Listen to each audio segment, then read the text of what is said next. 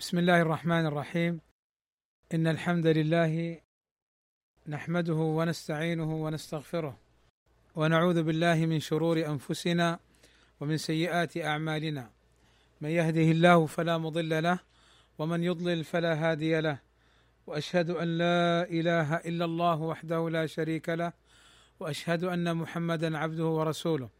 ألا وإن أصدق الكلام كلام الله وخير الهدى هدى محمد وشر الأمور محدثاتها وكل محدثة بدعة وكل بدعة ضلالة وكل ضلالة في النار.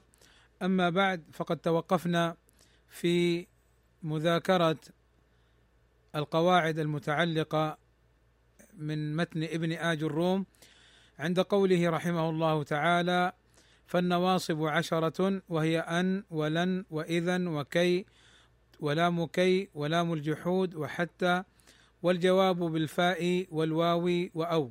ومر معنا في اللقاء السابق أن هذه النواصب للعلماء فيها مذهبان. المذهب الأول يرى أن النواصب بنفسها أن ولن وإذا وكي والباقي تنصب بعد إن مقدرة. والمذهب الثاني يرى أن هذه الأدوات كلها هي النواصب بنفسها. وسنسير على على المذهب الثاني ثم نأتي على المذهب الأول بإذن الله تعالى. أعني سنعتبر هذه الأدوات نواصب بنفسها. ثم نعود مرة أخرى على المذهب الأول الذي يرى أن هذه الأدوات وهي لام كي وما بعدها تنصب بعد إن مقدرة مضمرة. فنقول بارك الله فيكم مر معنا أن ولن واذا وكي. واذا بينا أنها تنصب الفعل المضارع إذا كانت في صدر جملة الجواب. وتكون أيضا بمعنى الاستقبال. اذا لمن يقول لك مثلا سأزورك اذا سأكرمك. طيب لام التعليل عند النحاة نحو قوله تعالى وأنزلنا إليك الذكر لتبين للناس. أو نحو قولك أيضا اشتريت الكتاب لأقرأ فيه. فالتعليل بمعنى أن ما بعدها علة لما قبلها. فإذا لام التعليل أيضا يسمونها لام كي لأن التقدير لكي. وأنزلنا إليك الذكر لتبين أي لكي تبين. فما بعدها علة لما قبلها. لام التعليل. اذا نقول وأنزلنا إليك الذكر لتبين للناس. أنزل فعل ماضي. والفاعل نا الضمير المتصل بالفعل مبني في محل رفع فاعل. إليك إلى حرف جر والكاف ضمير متصل في محل جر بحرف الجر. وأنزلنا إليك الذكر. الذكر مفعول به لأنزل منصوب علامة نصبه الفتحة لأنه اسم مفرد. لتبين هنا على المذهب الثاني نقول لتبين اللام حرف نصب. تبين فعل مضارع منصوب بلام التعليل وعلامة نصبه الفتحة. لتبين والفاعل ضمير مستتر وجوبا تقديره أنت. طيب هذا الناصب الخامس. الناصب السادس لام الجحود. لام الجحود. وسميت بلام الجحود أي لام النفي لأنها لام تسبق بنفي قبل كان أو يكون. قبل كان أو يكون. فسميت لام الجحود أي لام النفي لانها لام تسبق بما كان أو لم يكن ونحوهما المنفيتين. نحو قوله تعالى وما كان الله ليضيع إيمانكم. وما كان الله ليضيع إيمانكم. فهنا أين الجحود؟ ما كان. هذا نفي. ما نافية. أين لام الجحود ليضيع؟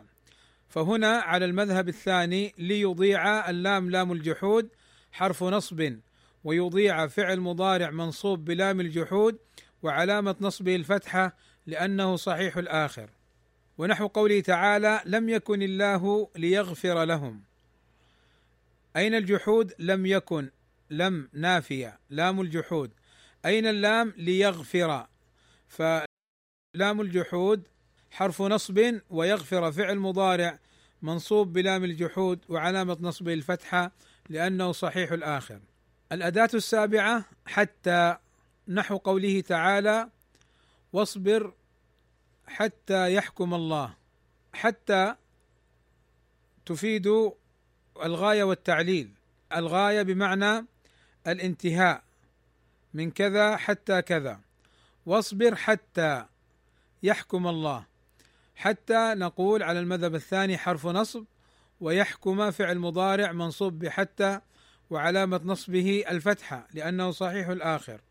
ويحكم الله لفظ الجلالة الله فاعل مرفوع علامة رفعه الضمة. الثامن فاء السببية. فاء السببية. وهي تفيد أن ما قبلها سبب لما بعدها. إذا وقعت فاء السببية في جواب نفي أو طلب. مثل قوله تعالى في النفي لا يقضى عليهم فيموتوا. فهنا قوله تعالى فيموت الفاء هذه فاء السببية. وقلنا معنى فاء السببية أن ما قبلها سبب لما بعدها. بمعنى أن أهل النار في النار من شدة عذابهم ومن شدة أليمهم أنهم يتمنون الموت فلا يموتوا ولا يخفف عنهم من عذابها. يعني لا يموتون ولا يخفف عنهم من عذاب النار فهم في عذاب أليم. فهنا فاء السببية في قوله فيموتوا. فنقول فاء السببية حرف نصب ويموت فعل مضارع منصوب بفاء السببية وعلامة نصبه حذف النون لأنه من الأفعال الخمسة. وهنا واقع بعد النفي في جواب النفي لأنه قوله تعالى لا يقضى نفي. وقد تقع فاء السببية بعد الطلب مثل ذاكر فتنجح أو تعلم العلم فينفعك. فهنا نقول أين الطلب؟ تعلم اللي هو أمر ذاكر. أين الفاء السببية؟ فينفعك أو فتنجح. فنقول الفاء فاء السببية حرف نصب. وينفعك فعل مضارع منصوب بفاء السببية وعلامة نصبه الفتحة لأنه صحيح الآخر. والفاعل ضمير مستتر جوازا تقديره هو فينفعك هو. والكاف ضمير متصل في محل نصب مفعول به. التاسع واو المعية. الواقع أيضا في جواب نفي أو طلب. فأما النفي فمثل قولنا لا تنهى عن خلق وتأتي مثله. فهنا لا تنهى نفي عن خلق وتأتي الواو واو المعية. ومعنى كونها واو المعية ومعنى كونها واو المعية أي المصاحبة. يعني لا تفعل هذا وهذا لا تفعل هذا وهذا أي أن ما قبلها يكون مصاحبا لما بعدها. فالواو الواقع في جواب النفي لا تنهى اللام هنا لام النافية والنافية لا تجزم الفعل. لا تنهى عن خلق وتأتي. واو.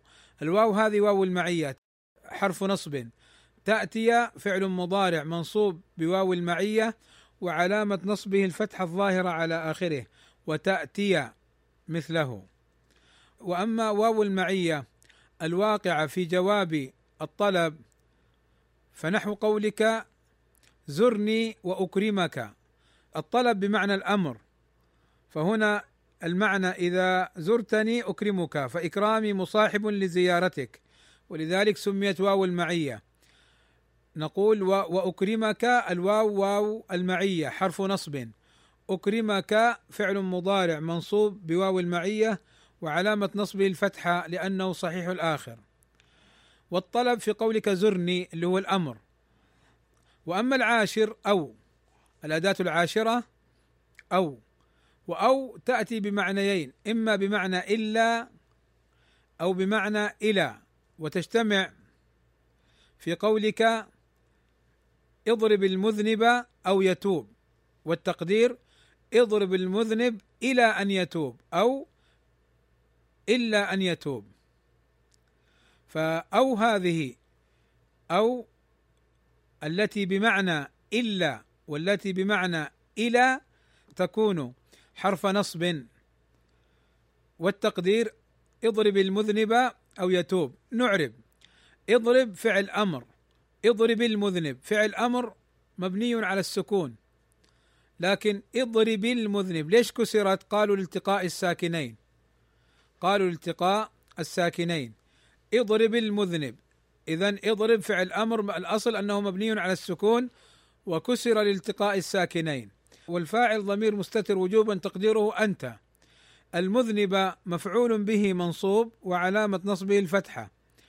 أو يتوب أو حرف نصب لأنها تأتي بمعنى إلا أو تأتي بمعنى إلى. يتوب فعل مضارع منصوب بأو وعلامة نصبه الفتحة لأنه صحيح الآخر.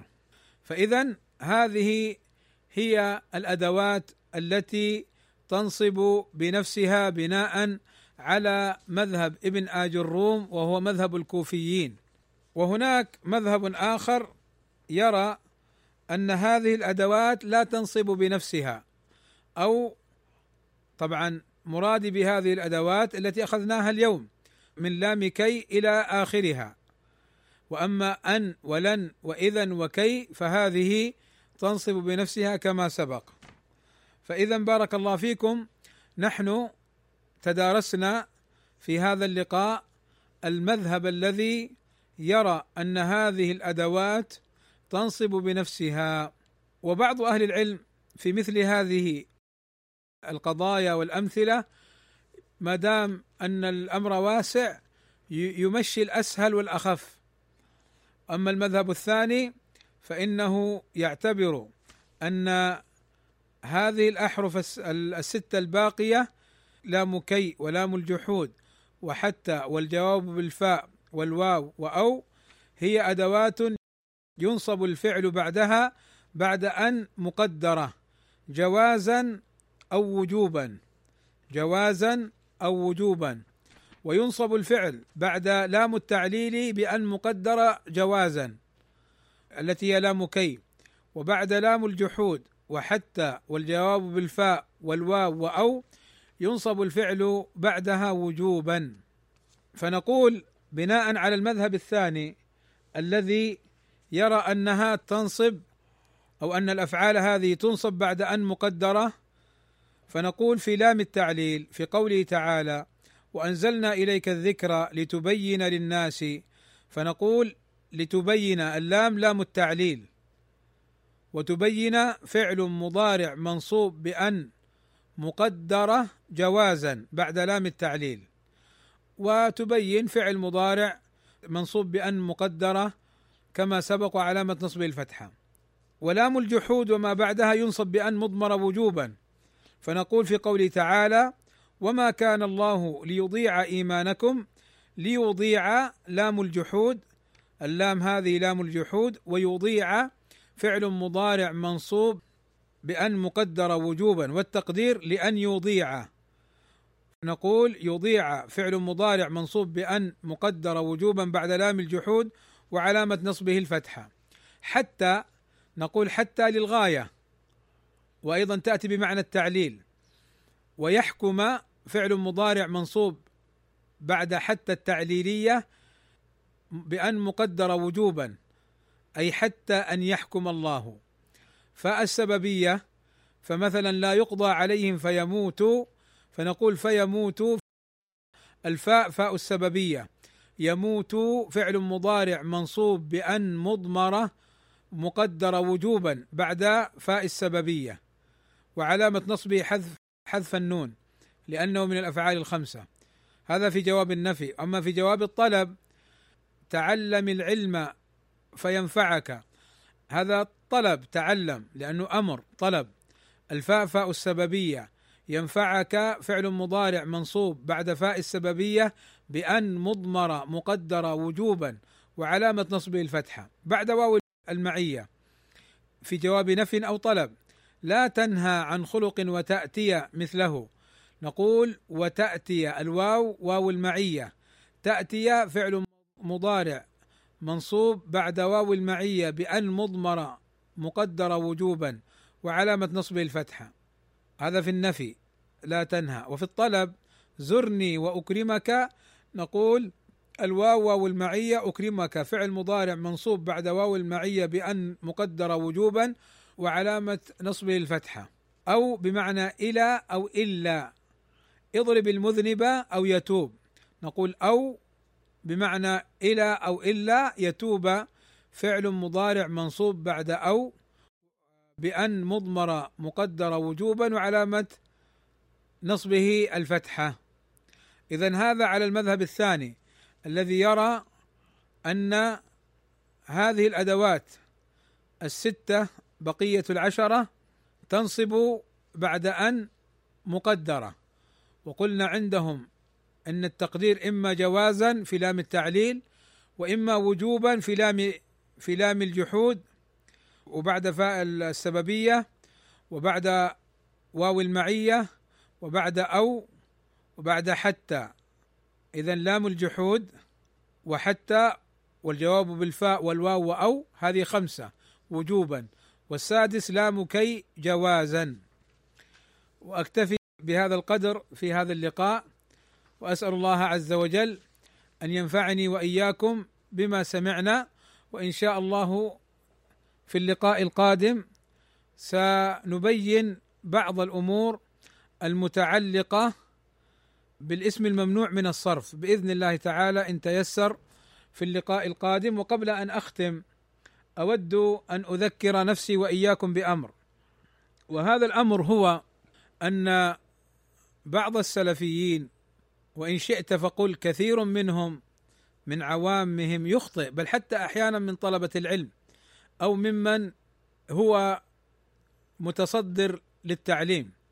يخطئ في مسألة لا يفهمها من منهج السلف الصالح. وذلك أن العلماء إذا أثنوا على عالم وقالوا مثلا فلان عالم في كذا أو فقيه أو عالم مثلا بالقراءات أو عالم مثلا بالفرائض أو عالم مثلا بالحديث ونحو ذلك فإذا أثنى العلماء على أحد العلماء بمثل هذه الثناءات ظن العوام وبعض طلاب العلم للأسف الشديد أن معنى كلام العالم هذا أن كل ما يقوله هذا العالم حق وصواب وأنه لا يجوز أن يرد شيء من قوله وأن رد شيئا من قوله يعتبر طعنا في العالم وجرح فيه.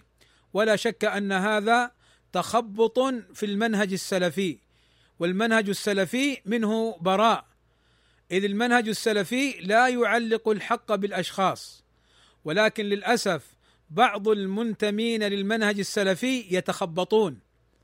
وللأسف هم المتصدرون في مواطن كثيرة. وهم الذين يوجهون الشباب لمثل هذه المفاهيم الخاطئة إما قولا وإما تطبيقا وعملا وهذا أسوأها. وذلك أنهم يربون الشباب على أن قول العالم الفلاني ينبغي أن يقبل ولا يجوز رده وهذا خطأ وهذا خطأ. والسؤال هنا اذا ما معنى تزكية العلماء؟ لهذا العالم مثلا بأنه متخصص في الحديث. متخصص في العقيدة متخصص في الجرح والتعديل. ما معنى قولهم؟ معنى قولهم أنه عنده علم كبير في هذا العلم وأن إصابته أكثر من خطئه لاحظ لا يقولون كل قوله حق وإنما يعنون أن إصابته بإذن الله وتوفيقه أكثر من خطئه هذا معنى قول العلماء. وإلا العلماء لا يعلقون الناس بالأشخاص. أيضا الأمر الذي يليه وأريد أن أنبه عليه أن اعتبارهم كل قول العالم هذا حق هذا خطأ لأن العالم كما قال ابن مسعود وقال السلف يصيب ويخطئ. من كان مستنا فليستن بمن قد مات فإن الحي لا تؤمن عليه الفتنة. فإذا جعلنا كل قول العالم حق فنحن أعطيناه العصمة. وهذا خطأ. لا يجوز أن يوصف العالم بالعصمة لأن العالم بشر يصيب ويخطئ. أيضا اعتبار رد قول العالم الذي تبين خطأ العالم فيه أن هذا من الطعن في العالم هذا خطأ. لأنه متى تبين الحق لطالب العلم وجب عليه اتباع الحق ورد الباطل فكيف يعتبر اتباع الحق طعنا في العالم. لا شك أن هذا من أسباب تسلط هؤلاء المتعالمين هؤلاء الذين لا يفقهون المنهج السلفي رجيع الجماعات ومخلفاتهم الذين تربوا تربوا على الحزبية وتربوا على الإخوانية وتربوا على تعظيم وتقديس قول الأشخاص. ودخلوا في المنهج السلفي وساروا فيه على رواسب سابقة فالحذر الحذر من مثل هذه المناهج. وأيضا ينبني على ما سبق على الخطأ السابق أن ننبه على خطأ أيضا خطير جدا. وذلك أنك إذا حصل بينك وبين أحد نقاش في مسألة فقلت له ما الدليل على كذا؟ لا يقول لك قال الله ولا يقول لك قال رسول الله ولا يقول لك قال السلف الصالح وإنما يقول لك قال فلان وقال فلان. والخطأ الأشنع منه أيضا أنك إذا قلت له فلان أخطأ في هذا القول لقوله تعالى كذا أو لقوله صلى الله عليه وسلم كذا أو لأنه يخالف المنهج السلفي في المسألة الفلانية قال لك أنت تطعن في العلماء أنت تقدح في العلماء أنت في نفسك شيء على العلماء. والله هذه تربية المأربية وتربية الحدادية وتربية الحزبية. ما عرفناها من السلف. الشيخ مقبل الله يرحمه كان التلميذ من تلاميذه يقول له يا شيخ قولك خطأ. قال له قم. وتعال اقترب مني وتكلم بين خطئي. فإذا تكلم الطالب وبين الحق وكان قول الطالب هو الصواب يفرح الشيخ مقبل ويثني عليه ويقول له جزاك الله خيرا كلامه صواب وكلامي خطأ. هكذا تربية العلماء. شيخ بن باز شيخ العثيمين كلهم رحمة الله عليهم إلى سلفنا الصالح رضوان الله عليهم كلهم رحمة الله على من مات وحفظ الله الأحياء منهم كلهم لا يعلقون ولا يلزمون الناس بأقوالهم. فأنت يا عبد الله إذا جعلت الحق قال زيد قال عبيد هذا لا يصلح. وإنما تورد الدليل. انظروا إلى ابن عباس رضي الله عنه لما أفتى في مسائل بالدليل فقال له بعض السائلين قال أبو بكر قال عمر قال ابن عباس يوشك أن تنزل عليكم حجارة من السماء. أقول لكم قال الله قال رسوله تقولون قال أبو بكر قال عمر. ابن عباس يقدر ويحترم أبا بكر وعمر رضي الله عنهم أجمعين لكن هل يطعن فيهم؟ لا. وإنما الحق أحق أن يتبع واتباع الحق ليس طعنا في العالم. بل هو الواجب الواجب على من عرف الحق أن يبينه والواجب على العالم إذا تبين له الحق أن يرجع إليه. فافهموا بارك الله فيكم. هذه المسألة جيدا.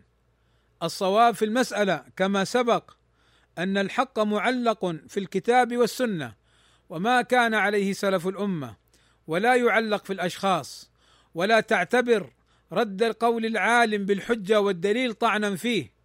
ولا تعتبر قول العالم من حيث هو حجة ودليل. كما قال أهل العلم كلام العالم يستدل له ولا يستدل به. هكذا قاعدة معروفة عند أهل العلم. لا يعرفها هؤلاء المتخبطون. لا يعرفها هؤلاء الذين هم رجيع ومخلفات الجماعة. لا يعرفونها. وإن عرفوها يدسوها لا يذكروها. يريدون أن يجعلوا وأن يربوا الشباب على هذه المفاهيم المغلوطة المنسوبة خطأ وجهلا ولا تصح نسبتها للمنهج السلفي. فالعالم كما ذكر أهل العلم يستدل لقوله ولا يستدل بقوله. لماذا؟ لأن العالم يصيب ويخطئ. فإن قال قولا بالدليل قبل للدليل وليس لأنه قول فلان أو فلان. وإن قال خطأ رد للدليل وليس لأنه فلان أو فلان. وينبني على هذا أمر أيضا من تصرفات الشباب وهو أنه إذا جاءه الحق من شخص يبغضه أو يخالفه لا يقبل الحق لأنه جاء من هذا الشخص المخالف له. وإذا جاءه الباطل من شخص يحبه ويحترمه ويعظمه قبل الباطل أو تغافل عنه لأجل هذا الشخص فجعل الحق والباطل قبولا وردا على الأشخاص لا على الدليل. يا هذا اتق الله في نفسك فإنك مسؤول عما تقول وعما تفعل. الحق الذي أمرنا جميعا صغارا وكبارا ذكورا واناثا طلاب علم وعلماء وعوام من عوام المسلمين. أمرنا أن نتبع الحق الذي في الكتاب والسنة والذي عليه سلف الأمة. هكذا أمرنا بهذا. لم نؤمر بترهاتك ولا برجيع جماعاتك ولا بمخلفات عقولك المتربية على الحزبية. يا هذا اتق الله ورب الناس على الدليل وإن كنت صادقا فربهم على احترام العلماء بالحق وفي الحق وللحق. لا مطلقا وعلى هواك لا مطلقا وعلى ما تشتهيه نفسك. فإن بعض الناس للأسف الشديد يعلق الحق بالهوى وبالشهوة وما تشتهيه نفسه. نسأل الله السلامة. لكن نصيحتي لنفسي ولإخواني السامعين وأخواتي المستمعات نصيحتي لهم أن يخلصوا أنفسهم لله أن يخلصوا أنفسهم لله عز وجل ولا يجعلوا أنفسهم تبعا للناس. إن ضلوا ضلوا وإن أصابوا أصابوا. فإن الإنسان كما قال الله عز وجل كل نفس بما كسبت رهينة. فالواحد منا مسؤول عن نفسه. الواحد منا محاسب عما يقول وعما يعلم. ولذلك هذا باب من أبواب التذكير في خطأ يقع فيه بعض السلفيين وينسب للمنهج السلفي خطأ فيجعل اتباع العالم مطلقا منهجا سلفيا وهذا خطأ. بل هذا خلاف الإجماع كما قاله أهل العلم. ولكن نصيحة لنفسي ولإخواني وأخواتي علينا جميعا أن نتنبه لهذه الأخطاء وأن نحذرها ونحذر منها. أسأل الله أن يحفظني وإياكم جميعا من الفتن ما ظهر منها وما بطن وأن يجعلنا من أهل السنة العالمين بها العاملين بها الداعين إليها مع إخلاص لله عز وجل في القول والعمل. وصلى الله وسلم على نبينا محمد وعلى آله وصحبه وسلم أجمعين.